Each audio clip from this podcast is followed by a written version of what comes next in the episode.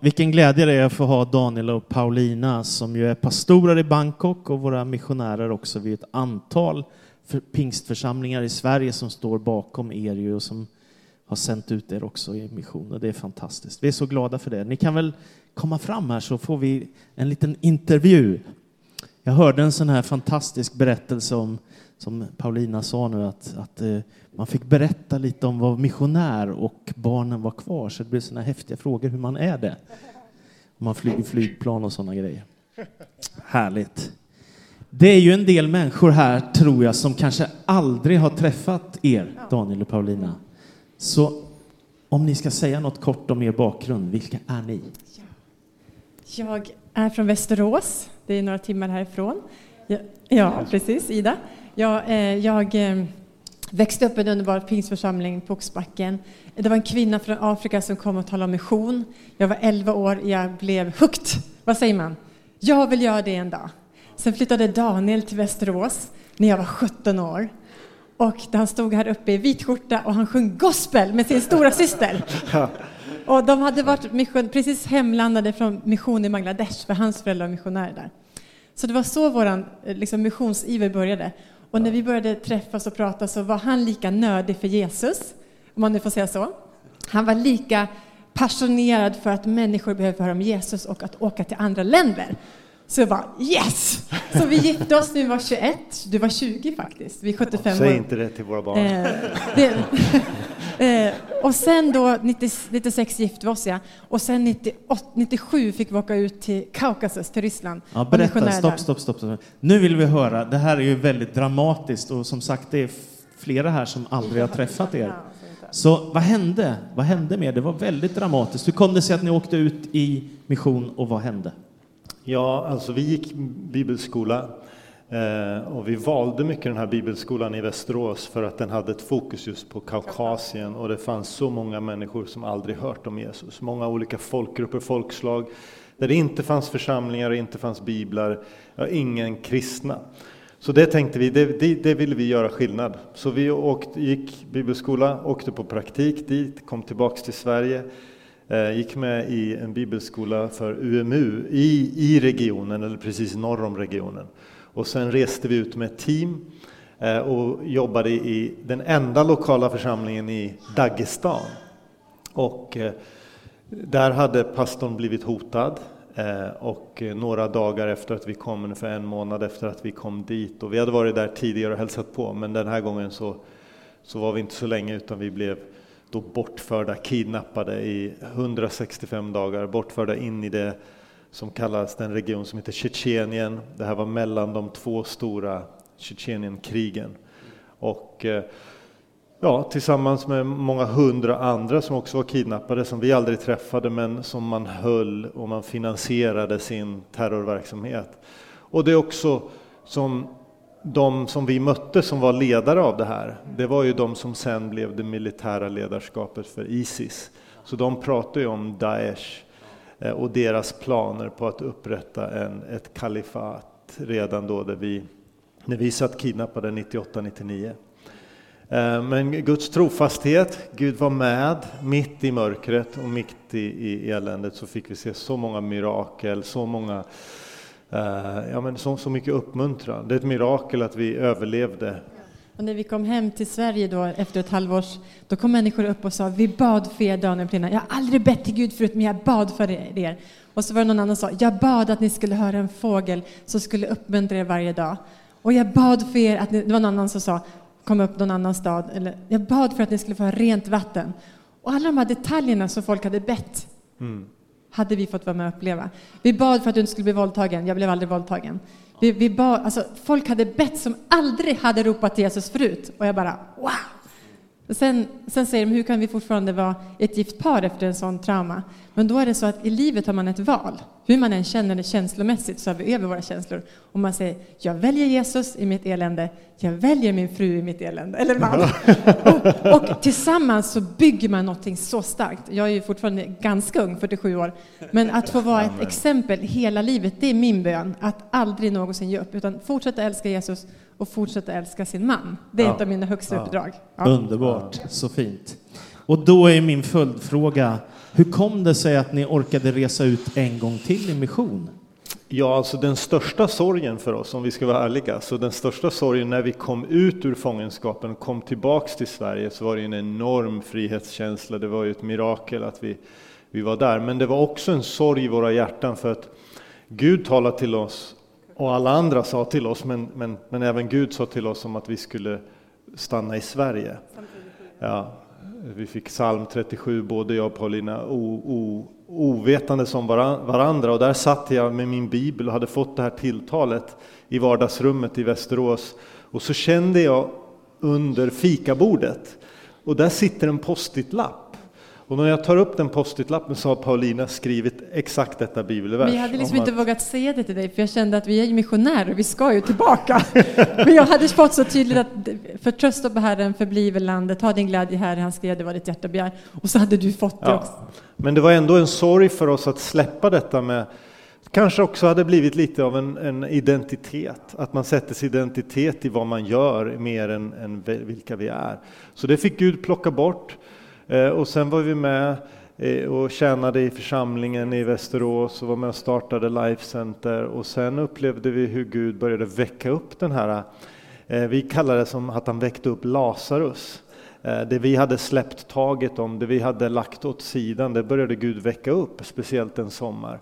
Och sen tog det två år till, vi pratade med vår föreståndare, vår pastor och vi bad och sökte Gud. Och sen var det så att på alla hjärtans dag 2007 så hade jag fått för mig att Gud skulle berätta för oss den här dagen om vart vi skulle åka. Och hela dagen så börjar man bli, efter slutet börjar man bli frustrerad så att man kanske inte kan höra Guds röst längre. Så jag var så ah, men nu ger jag upp. Jag hörde väl fel. Det var väl inte idag. Och så gick jag och la mig och precis när jag lägger mig så eh, fick jag liksom ett nytt tungotal, tänkte jag först. Men det var så här som att Gud sa nej, det här är en plats det här är en stad. Och det var ordet 'krontep' och ordet Semrep. Och jag hade ingen aning om vad det här betydde eller vad det var, men jag sa till Gud, nu är jag så trött, kunde du inte gjort det här tidigare? Eller var det jag som var? Men jag sa, om, du, om det här är från dig, då kommer jag ihåg imorgon bitti. Och sen somnade jag och sen vaknade jag och det första jag kan tänka på när jag vaknar nästa morgon, det är 'krontep' och Semrep. Så jag ber Gud visa mig vad det här är och Sen till slut så går jag till Google och så söker jag och då upptäcker jag att det är ju Bangkok eh, på thailändska. Eh, en thailändare säger inte, och nu försöker man ändra det här även internationellt, så nu börjar man se på fler och fler kartor att det står Krung Thep istället för Bangkok. Eh, och även Siem Reap då. Så några månader senare hade vi sålt allt vi ägde och har, tog våra fyra barn, Jonathan var då ett halvår ungefär, ammande pojk och så flyttade vi utan att kunna ett ord thai, utan att känna en enda person. Vi hade kontakt med en svensk missionär som reste tillbaks till Sverige efter 60 år tror jag i tjänst i Asien. Så reste hon tillbaks på flighten samma dag som vi åkte dit, så vi missade varandra. så, är det. så är det. Hur var det Paulina, mamma och fyra barn, att komma till en miljonstad i Asien helt plötsligt? Så när jag vaknade upp dagen efter alla hjärtans dag hemma i Västerås så, så kom ju Daniel till mig och sa jag har fått ett, ett stad. Och, kväll, och tack gode Gud att jag, kvällen innan när jag somnade också så hade jag sagt till Gud, för jag låg och ammade då, vår yngsta son Jonathan, och så hade jag sagt till Gud, nu somnar jag, men jag kommer gå dit min man går. Och det är jag väldigt tacksam för att jag sa.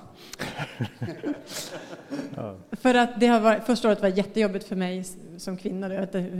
Så jag var så tacksam att jag kunde återgå till att dit min man går, dit går jag. För vi är ett team, vi är en enhet. And where there is unity God commands his blessing. Ni vet, när det är enhet så blir det välsignelse. Så när han säger dagen efter, vi ska åka till Thailand, vi ska till, till Bangkok, så nej, tänkte jag. Inte nej, men jag bara, nej men vad kom, eller Jag tror inte jag sa nej, men det var så här, oj, liksom så här.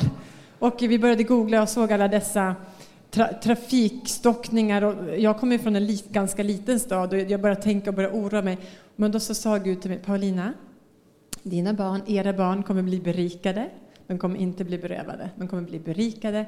Och då var det här, och då, och då, för jag är en väldigt personlig som inte är så äventyrlig. Rätt ska vara rätt. Jag är lite OCD. Det ska vara ordning och reda.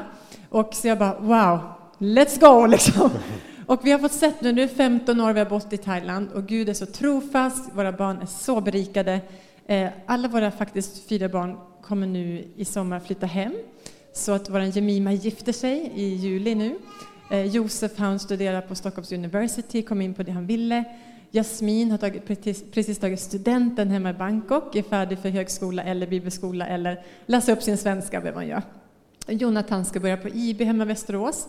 Så våra barn skulle kunna, som du säger, varit bara kras, men de är så berikade. De har haft en jättefin skola i Bangkok, en kristen skola, en amerikansk skola.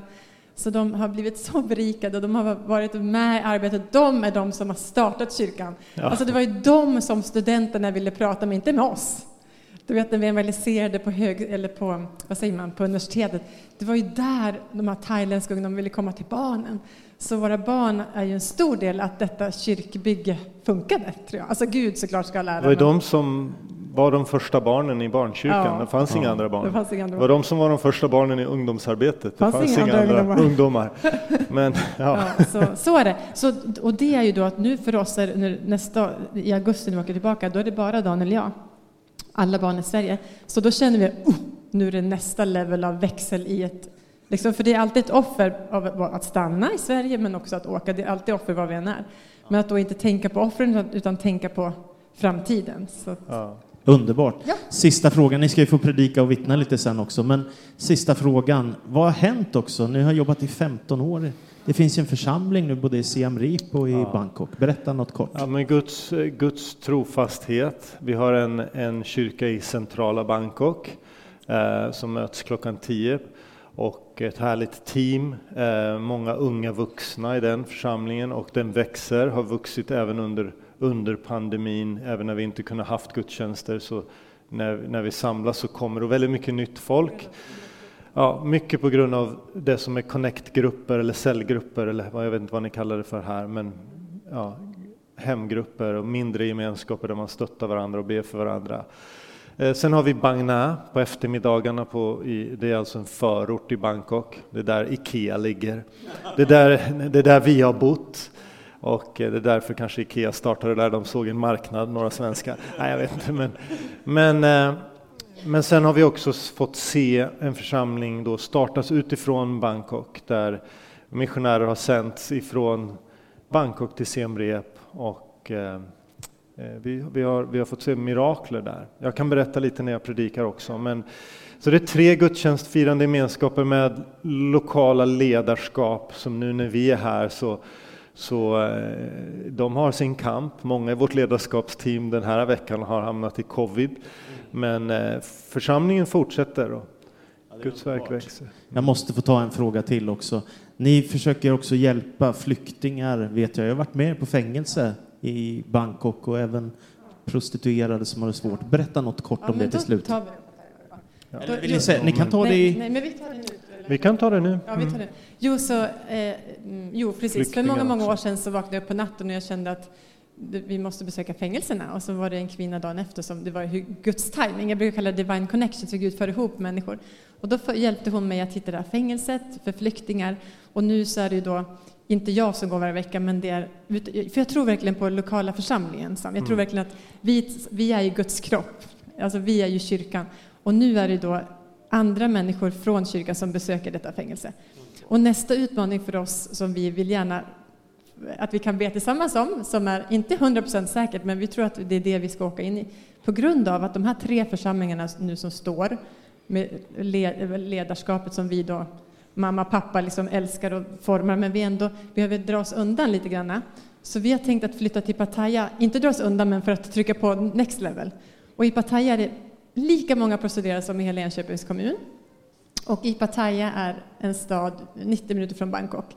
Så det går fortfarande för oss att vara i Bangkok, stötta församlingarna, eh, tro på dem, be för dem och dricka kaffe med dem, allt det här. Mm. Men Daniel och jag är nu, barnen bor i Sverige, vi har fortfarande kraft i oss känner vi. Och kanske vill då Gud starta en till, föda en till församling i detta brustna Pattaya. Så mm. vi har rest under covid två, tre år och bett och varit där och bett och vi har fått sett eländet om man säger så. Men Gud har ändå fortsatt tala till oss. Så det är liksom nästa utmaning för Daniel och Paulina i Thailand. Ja. Tror det vi. det är ett oerhört brusten stad. Alltså det här kallas ju för världens eh, sex trafficking capital. Alltså det är, det är eh, människor från, från Asien men också Thailand. Men det, det, det, det är massor med brustna. Men det, i denna stad så finns det ju barn, syskon, människor som absolut är påverkade av det här. Men det finns vanliga människor, det finns affärsmän som försöker göra rätt för sig. Det finns mycket gott och vi tror att vi har redan sett människor pendla till Bangkok 90 minuter för att komma på gudstjänst. Så vi ser att kan vi nu etablera en, en ny gudstjänstfirande gemenskap där så kan vi också göra skillnad där. Vi har ju fått se människor som har varit, eh, vad säger man, trafficked på engelska, vad heter det på svenska? Ja, ni vet vad det betyder. Men man är, man är alltså tagen från sitt hemland och såld eh, som sexslav i ett annat land. Och vi har fått se då både flyktingar, både nationella, men också då eh, människor som har kommit dit som fotbollsspelare lurade att de ska spela fotboll eller möjliga, alla möjliga saker, men där vi har kunnat hitta dem, hjälpa dem och föra dem tillbaks. Sen finns det jättemånga bra organisationer som jobbar med det här. Och vi tror på den lokala församlingen och den behövs i det här pusslet. Så det är inte något vi gör själva, men det är något vi kan göra tillsammans. Underbart, vad spännande. Jag tycker att vi ger dem en varm applåd så får ni fortsätta om en stund.